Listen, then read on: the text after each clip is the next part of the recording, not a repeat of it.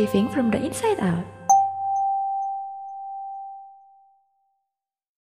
Para kalian Namita, satu hal yang selalu menjadi topik perbincangan dan perdebatan selama ini adalah mengenai doktrin tumimba lahir atau yang lebih mudahnya kita sebut sebagai kelahiran kembali. Sebagian dengan tegas menolak teori ini tanpa dapat menerima argumen dan logika apa pun yang kita berikan. Sementara yang lain kemudian menghubungkan dan menyamanyamakannya dengan ajaran reinkarnasi dari keyakinan lain. Nah, daripada memahaminya setengah-setengah, kali ini salah satu sahabat kita akan mencari tahu dan menggali lebih banyak mengenai konsep kelahiran kembali atau tumima lahir dalam Buddhisme. So, simak dengan baik perbincangan yang amat menarik ini ya.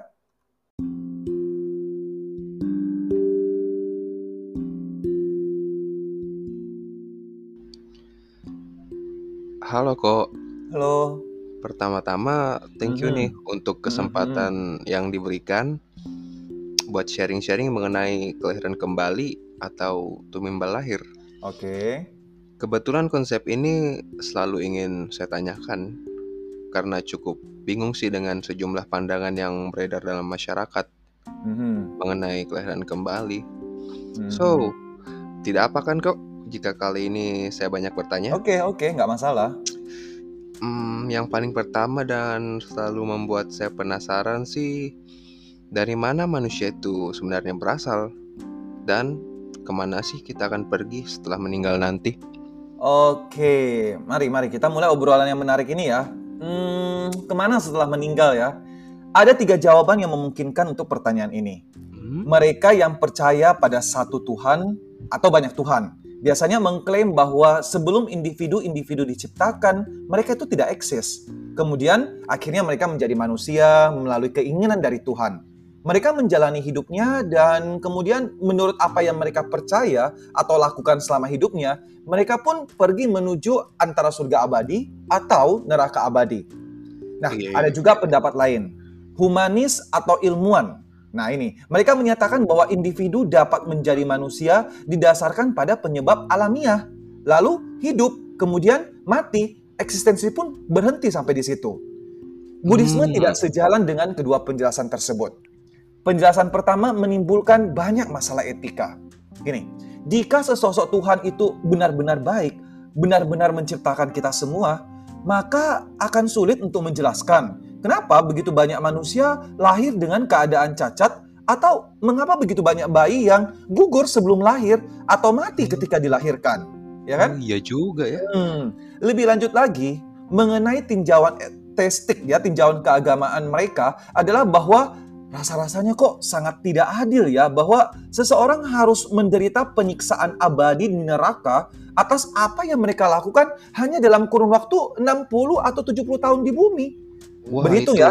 Hmm.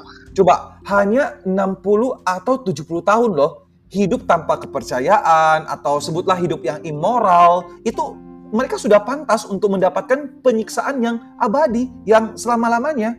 Atau juga gini, 60 atau 70 tahun hidup dengan kebajikan sepertinya merupakan gimana ya, harga yang terlalu kecil untuk bisa mendapatkan kebahagiaan yang abadi di surga. Benar Penjelasan kedua, sih. Mm-mm. Nah, penjelasan yang kedua lebih baik daripada yang pertama dan mungkin memiliki bukti yang lebih ilmiah untuk mendukungnya. Akan tetapi tetap juga meninggalkan pertanyaan penting yang tak terjawab. Bagaimana sebuah fenomena yang luar biasa kompleks seperti kesadaran manusia yang berkembang hanya dari sebuah pertemuan sederhana antara sperma dan sel telur dan hanya dalam kurun waktu 9 bulan dalam kandungan. Benar nggak? Iya, benar juga sebenarnya. Hmm, oke oke. Jadi Buddhisme menawarkan penjelasan yang paling memuaskan tentang dari mana manusia berasal dan ke mana mereka akan pergi. Ketika kita mati, pikiran dan semua kecenderungan, kesukaan, kemampuan, dan karakteristik yang telah kita kembangkan dan terkondisi selama kehidupan ini terbentuk kembali dalam sel telur yang dibuahi.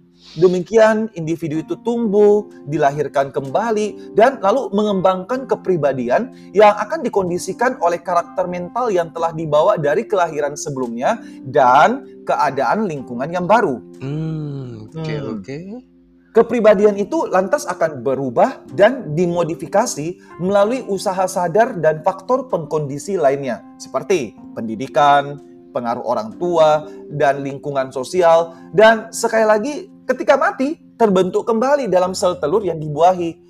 Proses kematian dan kelahiran kembali ini akan berlanjut hingga kondisi yang menyebabkannya ketagihan dan ketidaktahuan yang dalam ajaran Buddhisme lebih dikenal dengan istilah tanha dan awija ini berhenti. Ketika sudah berhenti, ketika mati, tidak akan pernah dilahirkan kembali. Akan mencapai keadaan yang dinamakan nibbana. Dan inilah, sekali lagi, inilah tujuan tertinggi dari Buddhisme dan juga sekaligus tujuan dari kehidupan ini. Wah, keren, keren, keren, keren. Hmm, hmm, hmm. Oke, awal yang rumit ya tapi amat menarik nih. Oke. Okay. Terus saya penasaran nih, bagaimana pikiran bisa berpindah, tuh kan, dari tubuh yang satu ke tubuh yang lainnya. Oke, okay, good, good, good.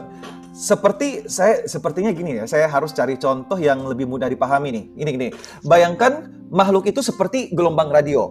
Gelombang radio kan tidak tersusun dari kata-kata dan musik, tidak ada, tapi bentuknya adalah energi yang pada frekuensi berbeda ditransmisikan bergerak melalui ruang, tertarik dan terambil oleh pesawat radio atau penerima gelombang sebagai kata-kata dan musik. Ini sama halnya seperti pikiran.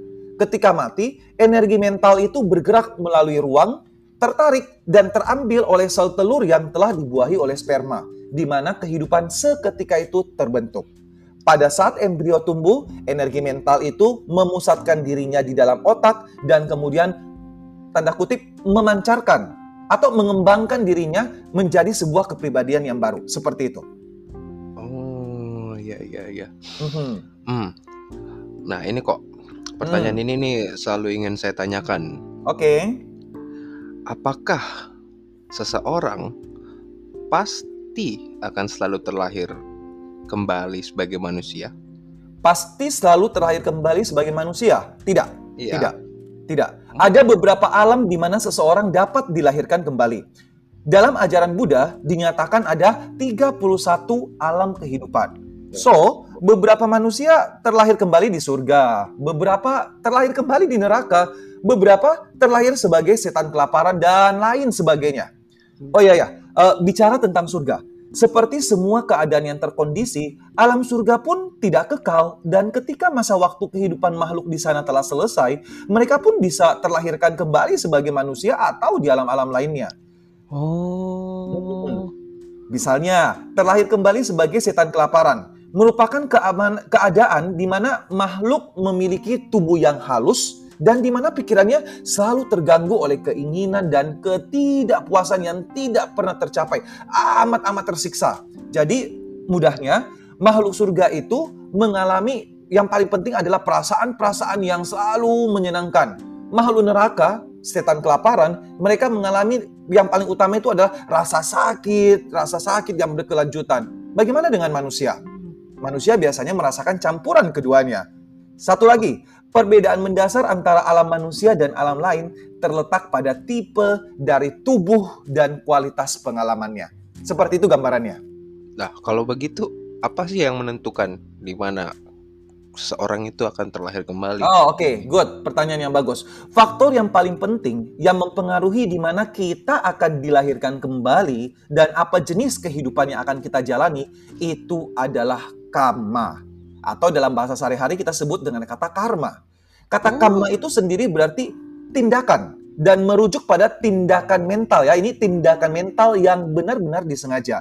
Dengan kata lain, bagaimana kita sekarang sangat ditentukan oleh apa yang kita pikirkan dan lakukan di masa lalu. Demikian juga, apa yang kita pikirkan, yang kita lakukan sekarang akan mempengaruhi akan jadi apa kita nantinya di masa depan orang yang lembut dan penuh kasih sayang cenderung akan dilahirkan kembali di alam surga atau sebagai manusia yang memiliki lebih banyak pengalaman-pengalaman yang menyenangkan. Sebaliknya, orang yang penuh rasa cemas, kekhawatiran, atau sangat kejam, nah itu cenderung dilahirkan kembali di alam neraka atau sebagai makhluk yang mengalami penderitaan yang jauh lebih banyak. Orang-orang yang mengembangkan ketagihan-ketagihan obsesif, keinginan-keinginan yang tak pernah terpuaskan oleh ambisi yang menggebu-gebu yang tidak pernah habis-habisnya, cenderung akan dilahirkan kembali sebagai setan kelaparan atau sebagai manusia yang tersiksa oleh keinginan dan kemelekatannya. Jadi catat, bahwa apa pun kebiasaan mental yang selalu kita kembangkan dalam kehidupan ini, itu pula yang akan berlanjut di kehidupan selanjutnya. Hmm. Mhm. Menarik, menarik, menarik. Adil sih. Jadi berarti kok hmm. kehidupan kita itu tidak sepenuhnya mutlak dan dikontrol oleh karma kita. Kita bisa merubahnya. Seperti itu ya kan kok? Hmm, nah tentu saja bisa. Itulah sebabnya mengapa salah satu langkah dalam jalan mulia berunsur delapan adalah usaha atau upaya benar. Hal ini bergantung pada ketulusan hati, seberapa besar energi yang kita keluarkan, dan seberapa kuat kebiasaan itu. Okay. Ya, tapi memang betul sih bahwa beberapa orang menjalani hidupnya di bawah pengaruh dari kebiasaan buruk mereka tanpa melakukan usaha untuk mengubahnya dan akhirnya mereka menjadi korban dari akibat buruk yang mereka lakukan tersebut. Ya, Orang-orang seperti itu mm, akan terus menderita kecuali ya, jika mereka mengubah kebiasaan buruk mereka. Semakin lama kebiasaan buruk itu bertahan, semakin sulit untuk mengubahnya. Umat Buddha mengerti akan hal ini dan mempergunakan setiap semua kesempatan yang ada untuk menghentikan kebiasaan mental yang menghasilkan akibat yang tidak menyenangkan. Dan sebaliknya, mengembangkan kebiasaan-kebiasaan yang menghasilkan akibat-akibat yang menyenangkan. Gitu. Nah, lebih jauh lagi, meditasi adalah salah satu teknik yang digunakan untuk mengubah pola kebiasaan dalam pikiran kita seperti dalam hal berucap atau menahan diri dari berucap dan bertindak, menahan diri dari bertindak dengan cara-cara tertentu lah. Keseluruhan kehidupan Buddhis merupakan latihan untuk memurnikan dan membebaskan pikiran. Sebagai contoh nih, jika orang menjadi jika mau menjadi orang yang sabar dan menjadi orang yang baik itu menjadi bagian yang dominan pada kehidupan sebelumnya pada seseorang, ada kecenderungan bahwa hal itu akan muncul kembali pada kehidupan yang sekarang. Jika sifat itu dimunculkan dan dikembangkan lagi di kehidupan ini, maka sifat itu akan muncul kembali, bahkan lebih kuat dan dominan lagi di kehidupan selanjutnya. Hal ini didasarkan pada fakta yang jelas dan sederhana, bahwa kebiasaan yang dikembangkan dalam waktu yang lama cenderung susah untuk dipatahkan. Kemudian kita menjadi orang yang sabar, orang yang baik, selalu saja cenderung terjadi bahwa kita tidak akan mudah terganggu oleh orang lain. Kita tidak mendendam. Orang-orang menyukai kita dan dengan demikian pengalaman kita akan menjadi banyak hal-hal yang lebih menyenangkan lagi. Oh. Gitu. Nah, gini-gini. Kita ambil contoh lain. Katakanlah bahwa kita lahir di dunia ini dengan kecenderungan untuk menjadi orang yang sabar dan baik berdasarkan pada kebiasaan lama di kehidupan lampau. Tetapi di kehidupan ini kita lalai untuk memperkuat dan mengembangkan kecenderungan tersebut. Sifat tersebut akhirnya melemah secara perlahan dan akhirnya padam. Dan mungkin sepenuhnya tidak akan ada lagi sifat-sifat yang baik tersebut di kehidupan hmm. mendatang. Nah, seperti itu ya. Jadi kesabaran dan kebaikan yang menjadi lemah dalam kasus ini ada kemungkinan bahwa baik di kehidupan ini maupun di kehidupan mendatang yang namanya ketidaksabaran, kemarahan, dan kekejaman akan tumbuh dan berkembang, membawa segala pengalaman yang tidak menyenangkan yang diciptakan oleh akibat dari perilaku buruk tersebut. Gini, kita akan membuat sebuah contoh terakhir. Katakanlah, karena kebiasaan mental kita di kehidupan lalu, kita dilahirkan di dunia ini dengan kecenderungan menjadi orang yang tidak sabaran, orang yang pemarah, dan kemudian kita menyadari kebiasaan tersebut hanya menyebabkan pengalaman-pengalaman yang tidak menyenangkan. Jika kita hanya dapat melemahkan kecenderungan tersebut, hal-hal tersebut akan muncul kembali di kehidupan selanjutnya. Namun, di mana dengan lebih sedikit usaha, sifat tersebut sebenarnya dapat disingkirkan sepenuhnya dan hmm? kita bisa terbebas dari akibatnya yang tidak menyenangkan, bahkan sampai pada kehidupan-kehidupan mendatang. Seperti itu hmm. gambarannya. Wah. Wah, gila. Nah, hmm. aduh, ini keren banget sih. Mm -hmm. Nah, ini kan kita dari tadi bahasnya sudah banyak nih kok tentang kelahiran kembali. Oke. Okay. Tapi ada satu nih. Hmm. Apakah ada bukti bahwa kita akan terlahir kembali ketika kita mati. Oh, jelas. Tidak hanya ada pembuktian ilmiah untuk mendukung kepercayaan Buddhis mengenai kelahiran kembali, tetapi ini juga terbukti merupakan satu-satunya teori kehidupan setelah kematian yang punya bukti untuk mendukungnya. Ya, tidak bisa dipungkiri, tidak ada sedikit pun petunjuk yang membuktikan keberadaan surga. Betul kan? Tidak ada iya, iya petunjuk iya, iya, yang membuktikan keberadaan surga. Dan tentu saja bukti mengenai kehancuran setelah kematian juga tidak ada. Kurang ya bahwa setelah kematian kita hancur, musnah, hilang. Itu tidak ada pembuktian seperti itu. Tetapi hmm. selama 30 tahun terakhir, para ahli telah menyelidiki laporan mengenai beberapa orang yang memiliki memori yang jelas mengenai kehidupan mereka sebelumnya. Oh, iya, iya. Ada ada sebuah buku ilmiah yang amat menarik, buku internasional. Judulnya adalah 20 Cases Suggestive of Reincarnation and Cases of Reincarnation Type. Salah satunya dalam buku itu dibahas mengenai seorang balita berusia lima tahun yang hmm. mengatakan bahwa ia bisa mengingat ayah dan ibunya yang lain. Ayah dan ibunya yang lain, bukan ayah dan ibunya sekarang. Dan ia berkata dengan jelas tentang apa yang terdengar sepertinya kejadian ini ada di kehidupan orang lain ya, seperti itu. Nah, para ahli lalu dipanggil dan mereka menanyakan ratusan pertanyaan yang dapat dijawab oleh si gadis kecil tadi. Ia berkata dulunya ia hidup di sebuah desa yang seperti Spanyol lah begitu. Ia mengatakan apa nama desa tersebut, nama jalan di mana ia tinggal, siapa-siapa nama tetangganya, dan detail kehidupan sehari-harinya di sana. Kemudian ia juga sambil menangis menceritakan tentang bagaimana ia telah ditabrak oleh sebuah mobil dan mati dua hari kemudian karena luka yang dialaminya. Ketika detail ini diperiksa, mereka menemukan bahwa semua itu terbukti akurat loh. Nah gitu ya. Ada nama sebuah desa di Spanyol seperti yang telah diberikan oleh si gadis itu. Ada sebuah rumah seperti yang sudah dideskripsikan di jalan yang telah dia sebutkan tadi Terlebih lagi, ditemukan bahwa wanita berusia 23 tahun yang tinggal di rumah tersebut telah terbunuh dalam sebuah kecelakaan mobil lima tahun sebelumnya. Sekarang, bagaimana mungkin seorang anak berusia lima tahun yang tinggalnya di Inggris, yang tidak pernah pergi ke Spanyol, mengetahui semua detail ini? Dan tentu saja ini bukan satu-satunya kasus dengan tipe seperti ini. Dalam buku yang saya ceritakan tadi di awal, Profesor Ian Stevenson di Departemen Psikologi Universitas Virginia telah mendeskripsikan lusinan kasus yang serupa seperti ini. Beliau adalah seorang ilmuwan yang diakui di mana ia menghabiskan 25 tahun mempelajari orang-orang yang mengingat kehidupan sebelumnya yang merupakan bukti yang sangat kuat kelahiran kembali ajaran Buddhisme. Hmm, Oke. Okay tapi kok tapi hmm, hmm.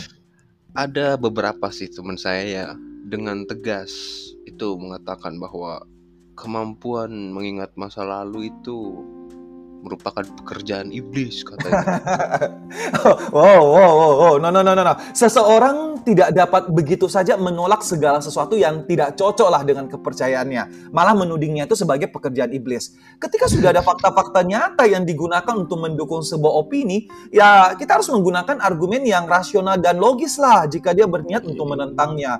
Bukan statement-statement tahayul mengenai kerjaan iblis dan sejenisnya. Iya, bener juga sih.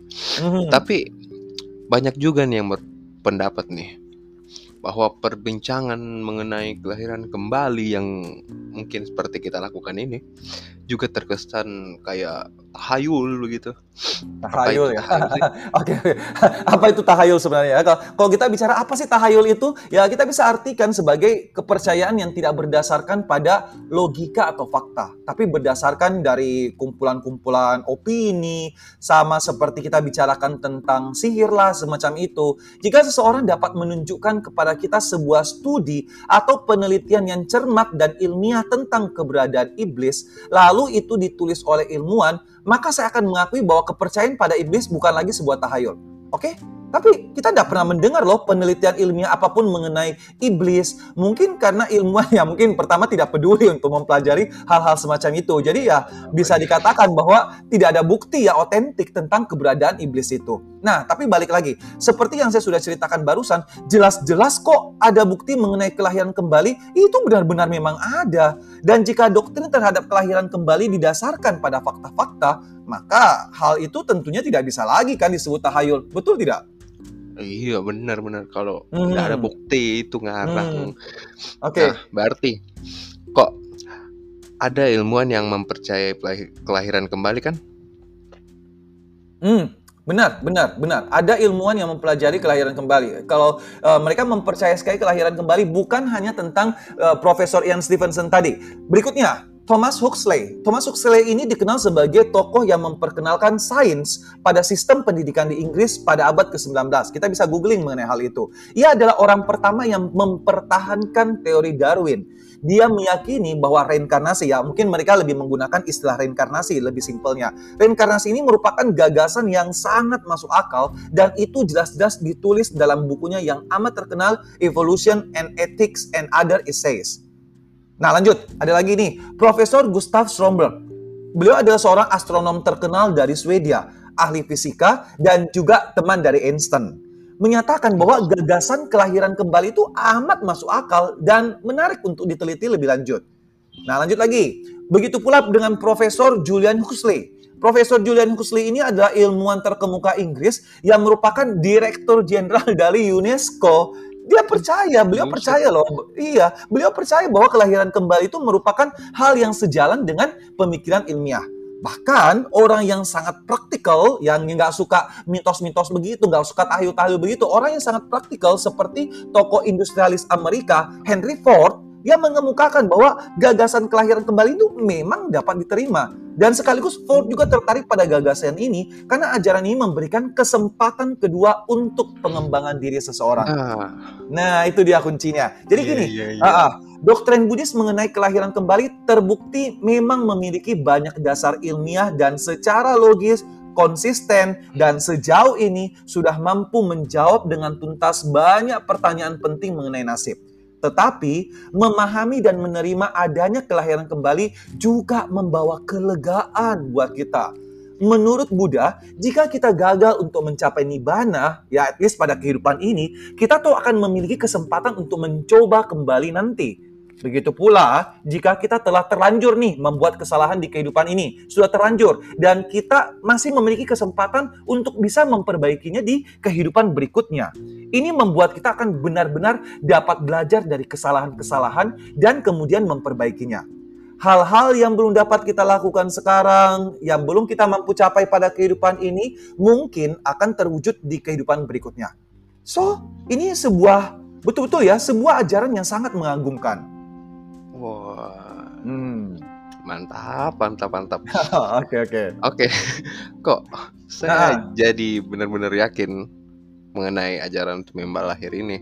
Hmm. Hari ini saya benar-benar menemukan sih bahwa doktrin ini ternyata hmm, bahkan sangat memuaskan jika ditelaah secara intelektual. Hmm. Tapi bagaimana ketika saya sudah berupaya menjelaskan kepada orang-orang dan ternyata sih mereka masih tidak menerima apalagi mempercayainya.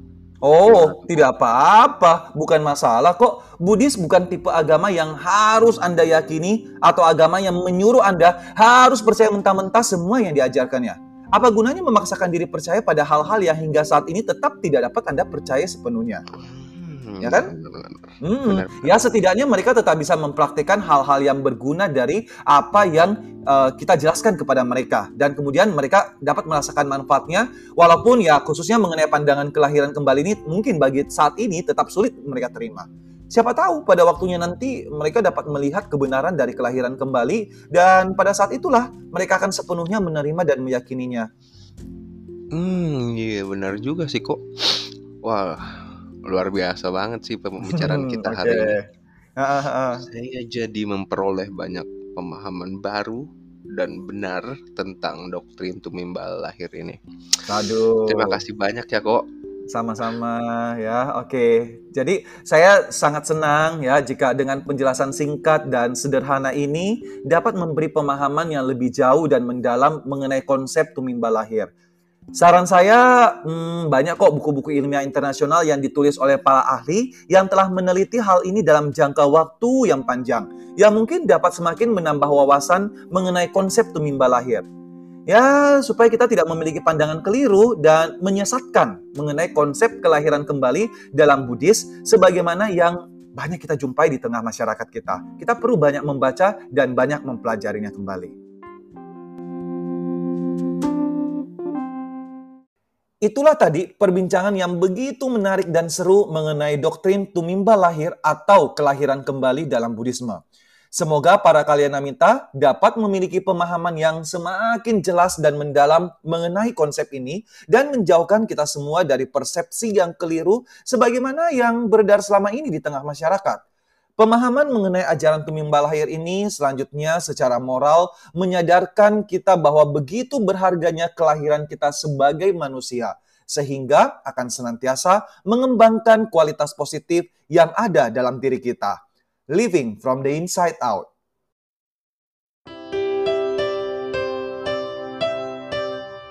Living from the inside out.